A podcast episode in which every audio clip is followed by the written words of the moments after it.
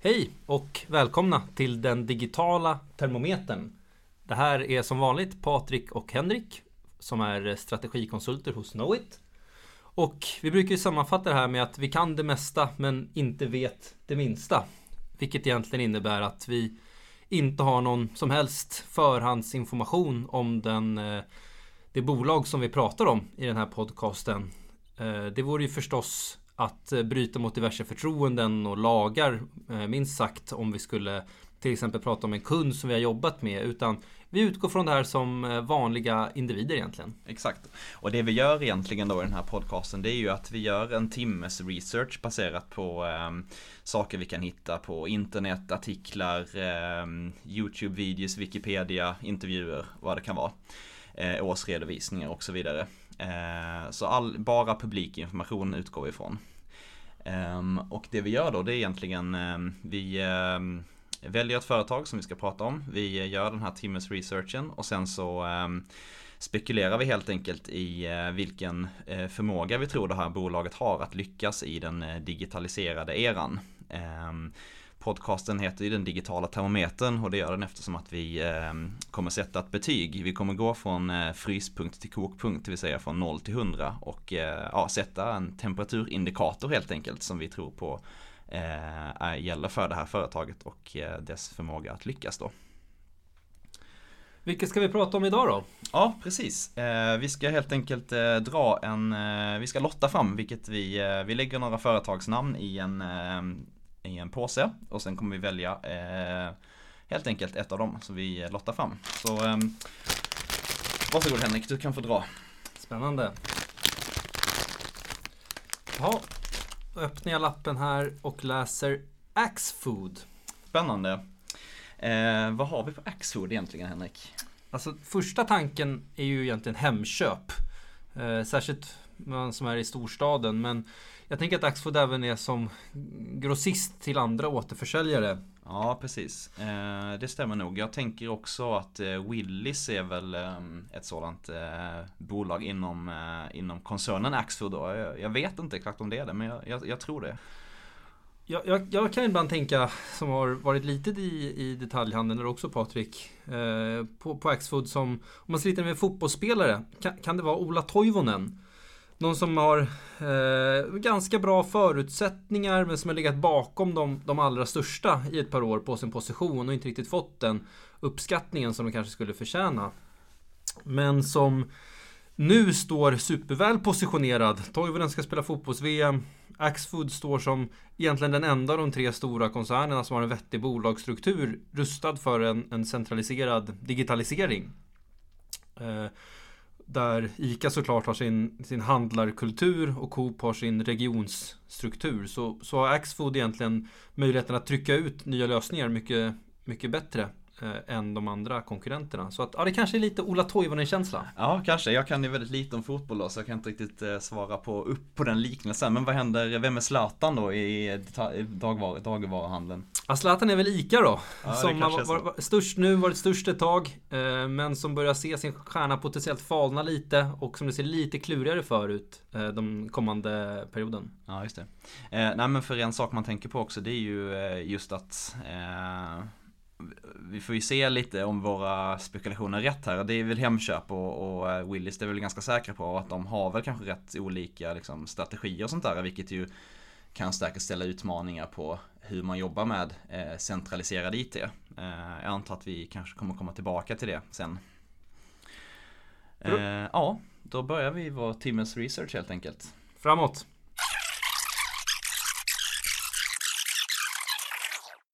Ja, det var den timmen det. Um, då ska vi se vad vi har kunnat hitta om Axfood då.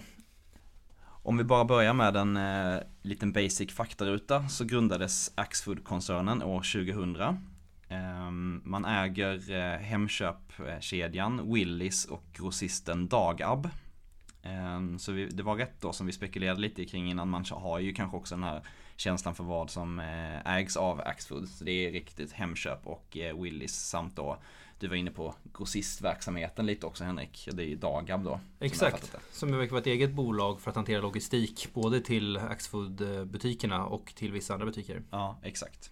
Man har en eh, omsättning på 45 eller 46 miljarder. Eh, rörelseresultat på cirka 1,8-1,9 miljarder. Eh, vilket ju genererar någon typ av ehm, ja, rörelsevinst eller marginal på eh, runt 4% då. Eh, vilket ju är ganska lågt men kanske förväntat i den här branschen då. Ja exakt, jag tror att det är lite en sån, eh, sån lågmarginalbransch såklart. Mjölk brukar vara exemplet som man alltid tar på en commodity som är helt utbytbar mellan olika, olika marknadsspelare. Exakt. Man äger också ett antal varumärken, egna varumärken, Garant, Eldorado med flera. Ska vi börja med att titta lite generellt på eh, dagligvaruhandeln och hur den marknaden ser ut och utvecklas? Absolut, och vi hade hyfsat rätt i våran spaning kring nu, nuläget då att ICA är den klart största spelaren. Coop och Axfood eh, strax under. Lågmarginalmarknad. Eh, man brukar säga att det är en överetablering. För även om det är få aktörer, eh, förutom de här tre stora finns det ju såklart Lidl och Netto och några till. Så är det ändå en överetablering i termer av antalet butiker och, eh, och det driver såklart ner eh, marginalerna. Den stora fokuset som jag tror finns i den här branschen det är ju såklart e-handeln och hur man ska få till det. Mm. Ja, jag skulle säga det också, det är absolut den största utmaningen. Um, sen har vi ju ett antal andra trender som vi kan se, till exempel det här med självbetjäning och självscanning och checkout och sånt där. Eh, inte minst det som vi ser hända i, eh, i USA med Amazon och deras eh, självutchecknings eh, som är väldigt avancerat då. Här var Axfood och Hemköp faktiskt ganska tidigt ute. Både med att ha själv, eh, självbetjäning utan att kräva att man har ett medlemskap, vilket ICA haft ganska länge. Eh, men de också, eh, var också väldigt tidiga med att ha kortlösa medlemskap. Det var de först i branschen med tror jag. Att man inte behöver ha med sig sitt Hemköpkort någonstans. Utan det dras direkt på ens Visakort eller liknande. Mm. Ja, om man ska gå lite mer om, om företaget då. Jag tror det var ganska lik den här spaningen med Ola Toivonen då. Att de har ganska stora möjligheter. Det som kanske motverkar det lite grann då att man har en, en uh, hyfsat stor andel franchisebutiker. Där kan man ju såklart också trycka ut koncept, men det är lite lättare när man hel, eh, heläger butikerna.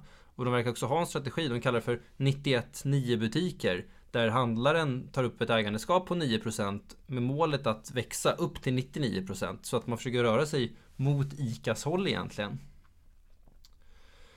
Vilken... Eh, nu visar det sig då att Willys är jättemycket större än vad Hemköp är på totalen. Vad är väntat tycker du Patrik? Ja, det vet jag inte riktigt om jag har någon uppfattning om så. Jag tycker att eh, Willys, den Willys jag kommer i kontakt med, med Willys hemma-konceptet då, det ser man ju inte sådär jättemycket kring där jag bor i alla fall, utan Hemköp är väl dominerande. Så min magkänsla säger väl att de kanske skulle vara lika stora eller något liknande då. Sen vet jag ju också att man har ju såklart mycket större volym på de här eh, större Willys som ligger lite utanför i, eh, i tätbebyggda områden och sådär då. Ehm, ja, men ska vi prata lite kanske kring det där med ehm, hur man har organiserat eh, IT på Axfood. Att man har en centraliserad, ganska centralstyrd IT-avdelning som väl om jag inte fattat det fel är ett eget bolag också. Så kanske det till och med. Och det är väldigt intressant i en sån här situation där man ju faktiskt har konkurrenter inne i koncernen. Hemköp och har ju en e-handel, Willys har en e-handel, Mat.se ägs också av Axfood. Eh, Dinnerpiece, vet du, Middagsfrid ägs också av Axfood. Och alla de här är ju inte enbart konkurrenter, de är lite kompletterande erbjudanden också. Men de verkar ändå på samma marknad mot samma kundkrets. Och där man då IT-mässigt man, och logistikmässigt så har man centraliserat det. Då är det jättefascinerande att veta hur mycket delar de av data och av system internt. Delar de kunddata mellan sig till exempel? Om, om de gör det då blir det ju konstiga konkurrensfördelar. Då kan man inte riktigt veta vilka de är som är starkast som man vill fortsätta satsa på. Men om de inte delar data med, mellan sig, då har ju mm, Axfood på totalen suboptimerat sig. Det har du garanterat rätt i, det måste ju vara en jättestor utmaning. Eh, vi vet ju att de här olika verksamhetsområdena, eh, delarna inom Axfood, eh, Willys till exempel som har en lågprisstrategi å ena sidan, stora volymer och en annan typ av lokaliseringsstrategi kanske. Medan vi har de här Hemköpbutikerna som har kanske lite mer jag vet inte, premium kanske är överdrivet, men lite mer fokus mm. på ett bredare sortiment kanske, inte lika mycket lågpris då och sådär. Eh, hur får man ihop kravbilden och eh, prioriteringarna inom IT med avseende på de här olika riktningarna som de här verksamheterna säkert vill ta? Eh, hur, hur, skulle du sätta upp en sån eh, organisation Henrik om du var IT-chef? Jättesvårt, men jag skulle nog börja med att försöka segregera mitt, eh, mitt eh, gränssnitt gentemot de här olika affärsområdena. Jag skulle nog se till att det finns en, eh, Eh, en på IT, eller en del av IT som pratar med Willys, en annan del av IT som pratar med Hemköp. Har de kommit så långt att de dessutom har gått den här Business Agile-resan där man har korsfunktionella team som jobbar mer agilt och går ifrån den här klassiska gamla vattenfallsmetodiken då skulle de sätta ihop hela team organiserade efter i första hand vilket affärsområde de tjänar och i andra hand vilken affärsprocess de tjänar. Och och, men sen såklart då får man ha ett infrastrukturteam, infrastrukturteam som är gemensamt. Serverhantering och, och datacenter och sånt är såklart gemensamt. Men på applikationssidan så hade jag nog eh, delat upp det. Mm, det låter klokt. Ehm, jag håller med. Jag tror att eh, det bör väl vara någon sån typ av uppsättning som man, som man har. Sen vet vi ju samtidigt att man jobbar, ehm, gjorde en gedigen ehm, rensning i legacy-system och sådär eh, under en rätt lång tidsperiod implementerade SAP då. Um, så där har man ju, men det är ju någon slags basplatta säkert i någon mån. Jag gissar att det finns eh, skräddarsydda applikationer eh, ändå för respektive eh, affärsområde Willys kontra eh, Hemköp säkert. Nästan och, säkert. Och, och Mat.se och så vidare och så vidare.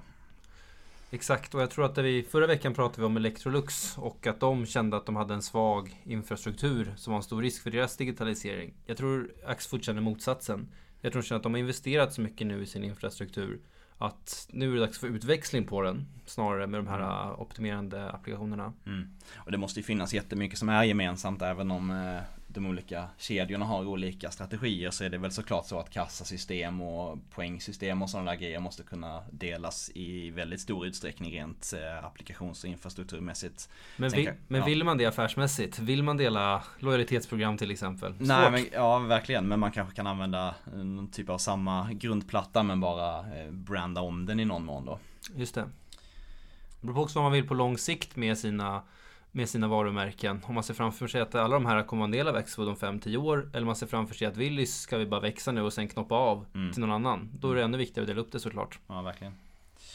Ehm, ska vi hoppa tillbaka och prata lite kanske mer om e-handel? För det känns ändå som att det är en av de stora trenderna inom dagligvaruhandeln och som också är den stora utmaningen på, på sikt då. Där vi börjar se massa olika aktörer som eh, tar marknadsandelar med rätt stor eh, hastighet då. Um, där tycker jag att det är intressant att se hur man har löst Last mile, det är ju klassikern. Mm. Hur tar man leveransen ner till, ner till kunden? Eh, och där verkar det, det har inte riktigt uppstått någon konsensus i, eh, i eh, dagligvaruhandel Sverige om vad den bästa setupen är.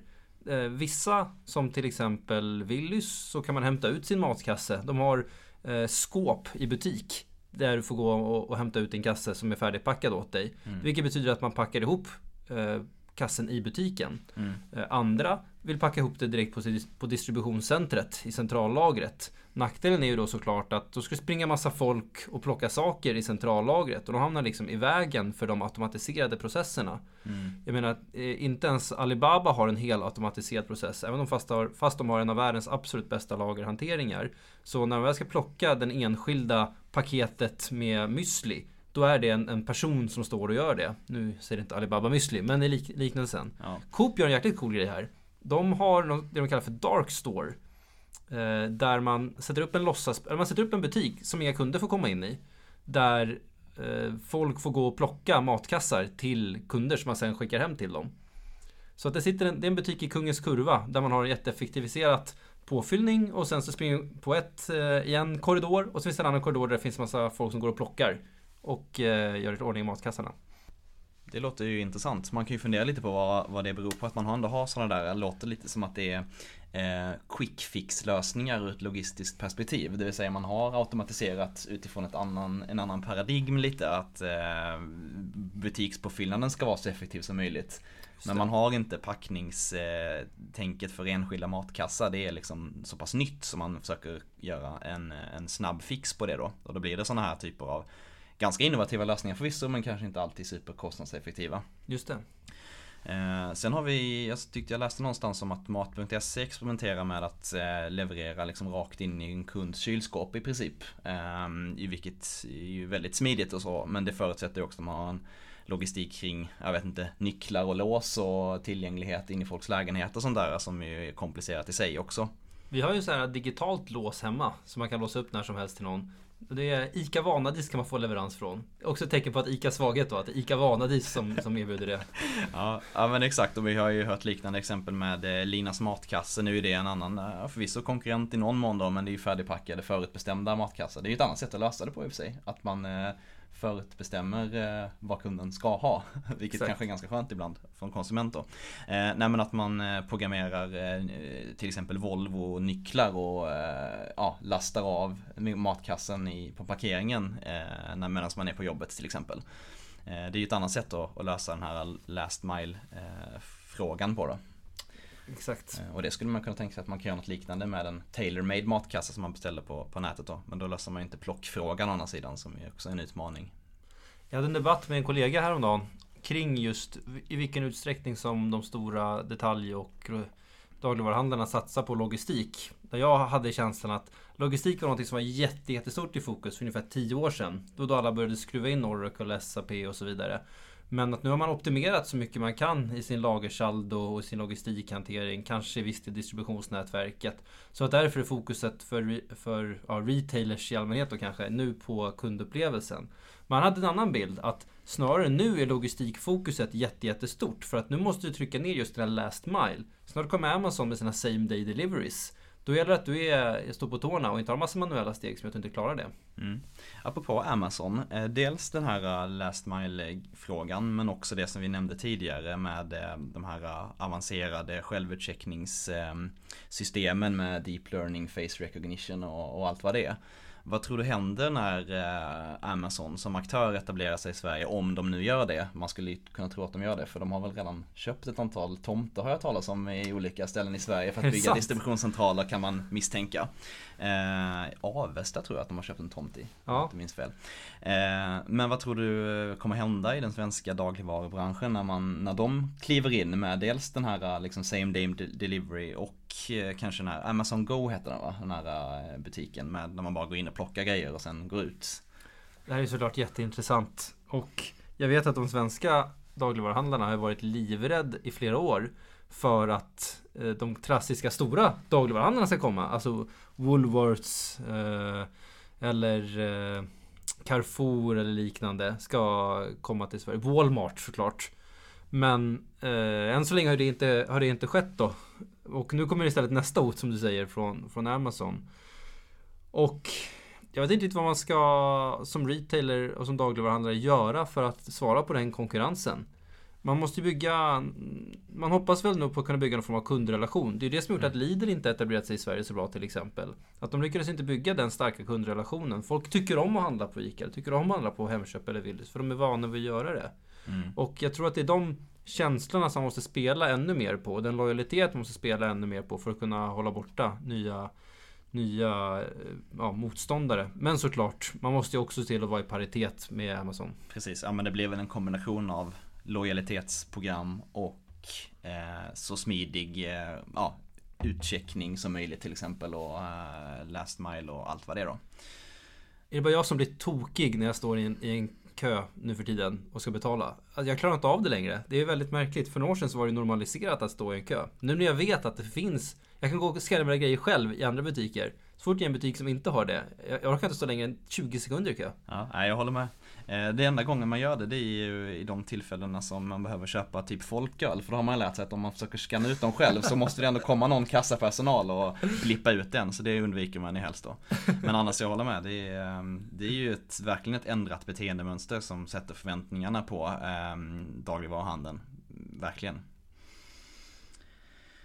Ja, vi har inte pratat så mycket om så här analytics och sådär då Som en del av kundprogrammen och den data man samlar in. Du var inne lite på det innan huruvida man delar data eh, mellan eh, de här olika kedjorna eh, inom Maxford-koncernen eller inte. Vilket vi ju inte vet. Så.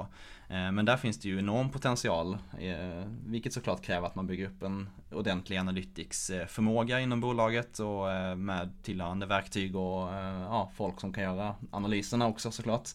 Ehm, och försöka automatisera det. Sen vet vi ju, det finns ju, vad heter det, eh, riktade reklamutskick och sånt där jobbar man ju med såklart. Men det känns ju också som standard inom branschen, skulle jag mm. säga.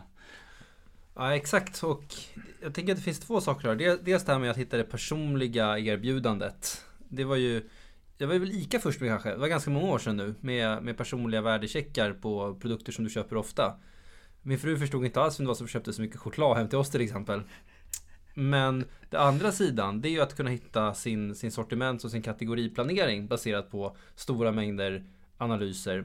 Det här är, visar sig vara väldigt svårt för att det är svårt att få applikationerna som ska hjälpa en i sortiment och kategoriplaneringen att, att, att förstå vad man egentligen vill. Man kan tycka att det är lätt att okej, okay, nu, är det, nu är det midsommar. Då kommer det gå åt mycket potatis, det kommer gå åt mycket sill och ägg och kaviar.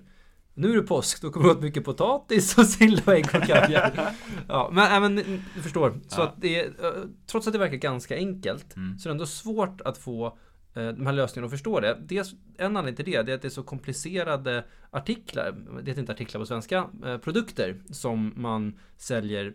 Till och med, det finns ett företag som heter Nielsen som är världens största bolag på att hålla koll på produkter. De har alla EAN-kods kompatibla eh, eh, produkter som man kan sälja. Har de i sitt eh, eh, i sin databas och då köper alla retailers in information om såklart. Men även för dem är det svårt att hålla koll på vad, vad är kategorin sill? Till exempel. Ja, det finns dels en pack, det finns två pack, det finns 400 gram, 600 gram. Mm. Vissa, vi kanske har både sill och eh, någon liten sås som man har till sillen. Det borde höra ihop med varandra. Och här tänker liksom alla retailers olika. Mm. Eh, vilket gör att det krävs jättemycket manuell handpåläggning för att tvätta datan och tvätta ens egen uppsättning hela, hela tiden. Mm.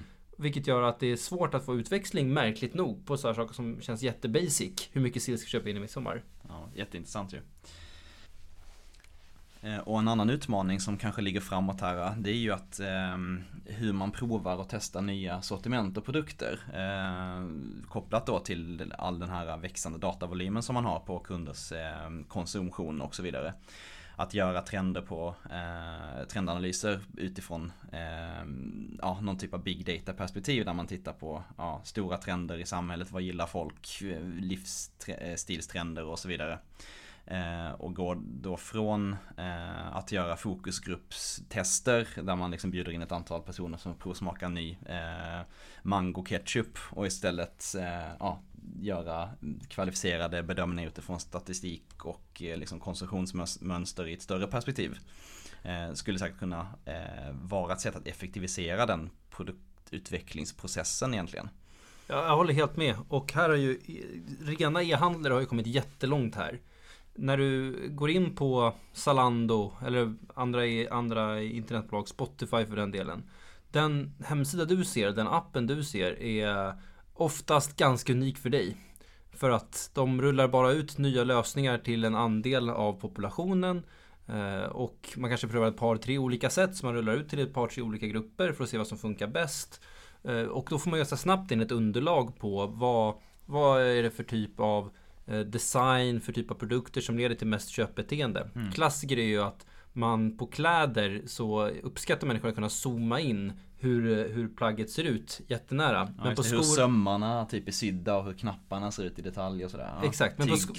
Men, men, på skor så är det tvärtom. Där, vill man, där visar att det är färre som köper om man har möjligheten att zooma in. Av någon anledning. Ja, och man behöver inte bry sig om vad det beror på. Man behöver veta att det är så och agera på det. Ja, just det. Och det här borde man kunna överföra i, förlåt nu babblar jag igen här. Det här borde man kunna överföra i fysiska butiker. varför inte testa att ja, i den här butiken nu så sätter vi eh, Eldorado-produkterna på kortsidan eh, i tre, fyra butiker. Tre, fyra andra butiker så sätter vi garantprodukterna på kortsidan. Tre, fyra andra butiker så sätter vi premiumprodukterna från en extern leverantör på kortsidan. Och så ser vi vad som funkar bäst. Ja, det är ju guldläge att applicera scientific method och göra olika eh, typer av eh, cross, Eh, crossreferenser. Ja, ehm, ska vi försöka oss på någon sammanfattning eller har du något annat eh, Henrik som du skulle vilja ta upp? Nej, det var att jag tyckte att det var intressant att se att om man tittar igen på framtiden så ehm, Dels verkar man ha en ganska sagt, progressiv CIO, var nominerad till årets CIO förra året. Eh, och man har också gjort ett antal förvärv. Man har köpt Apohem nyligen som man håller på att etablera som en, en, ett nät apotek. Som jag tror det kan finnas lite bra möjligheter, särskilt som man med sin starka logistik kan använda sig av. Mm. Ja absolut. Eh, om man tittar på hur de har eh, jobbat med liksom den här centraliseringen av IT och så då, så har de ju som vi var inne på innan skapat en ganska bra grundplatta med sitt SAP-program. Eh, man har en ganska stabil drift vad vi kunde utläsa i alla fall. Eh, och det betyder ju att man har en ganska bra förutsättning att fokusera på eh, de viktiga grejerna som förändrar branschen framåt. Som drivs av förändrat kundbeteende och eh, ja, hur kunder vill eh, köpa och interagera med eh, butiker och eh, ja, affärer online och i eh, fysiska butiker. Så vad ska vi ge dem för temperatur då Patrik? Ja, jag tycker att eh, den är, känns väl väldigt hög. Sen har vi ju lite eh, Det som talar emot Det är väl den här spretigheten eventuellt då. Eh, när man har en central styrd IT-organisation och man har eh, olika Eh, delar inom koncernen med olika typer av strategi. Att det kan vara en utmaning att få ihop det. Samtidigt har man en stabil drift, man har fokuserat supermycket på varuflöde och se till att man alltid har rätt saker i butik vid rätt tillfälle. Um, vilket ju betyder att uh, de, man har en god förutsättning framåt då. Man kan ju också se de här olika koncepten, Willys egna e-handel, Hemköps egna e-handel, Mat.se som just sådana här experiment. Ja, på det. jättehög nivå om vad som funkar bäst egentligen. Ja, faktiskt. Nej, jag tror att eh, framtiden ser absolut eh, ljus ut, det tror jag. Eh, just att man har den här bra grundplattan att ta avstamp ifrån. Och man vet ju också, vad CIOn sa i någon intervju då, att det som ligger framåt här nu är just fokus på kundmötet, vilket ligger helt i linje med dit branschen är på väg. Ja, jag tycker mig se lite små prickar nere i kastrullen här, men det bubblar kanske inte ännu. Är den 90 grader eller? Ja, men jag tror att den skulle kunna vara 90 grader. Jag köper in på det. Uh, och, och om vi fick chansen att ställa då några frågor här till, till våra vänner på Axfood. Vad man skulle vilja borra mer i. Skulle, vad skulle du? Ja, men jag, jag kommer direkt tänka på det som du tog upp tidigare i podden. Det vill säga eh, hur, gör, hur tänker de på kunddata och hur delar de det mellan de olika verksamhetsområdena. Det skulle absolut vara intressant. Um, har du någon spontan? Jag skulle nog fundera på, förutom det, integrationen av tredjepartstjänster. Om de har sin jättestarka logistik och sin jättestarka grundplattform. Vad gör de för att kunna rulla på andra saker ovanpå det? Just det. Och sen slutligen då den här uh, alfa-beta-testningen, vad ska jag kalla den. Men, men testning live mot användare. För att uh, kunna se vad som driver mest värde databaserat. Just det. Tittade du någonting på de apparna som fanns i typ App Store och Google Play förresten? Det gjorde jag faktiskt. Uh, Axfood Närlivs verkar ha någon app som man kan scanna själv i telefonen när man är i butik. Uh, det, det verkar funka sådär. Uh, Hemköp har en, en app där man kan uh, handla från e-handeln i butik. Eller i, i hemifrån, eller var man nu är någonstans. Man kan också ha inköpslistor även om man inte kan dela dem med andra. Inga av de här hade något betyg på App Store. Jag vet inte om det är ett dåligt tecken på att det inte används så mycket. Exakt, jag såg en hade ganska dåligt betyg och en hade inget betyg. Så var det kanske. Ja. Eh, ja men det liknande som eh, när vi pratade om eh, Electrolux förra veckan. Det var ju samma där. Det finns appar men de har inga betyg. Så. Exakt. Ehm, jag tyckte en annan komisk grej, jag måste nästan bara säga det, angående det digitala kundprogrammet då som du sa var kortlöst. Men det stod också i en artikel jag läste att det var poänglöst. Vilket ju är, syftar på att man inte samlar poäng, men det låter väldigt roligt när man säger det då. Ja, men eh, med de orden kanske vi avslutar då. Eh, 90 grader, ljus framtid.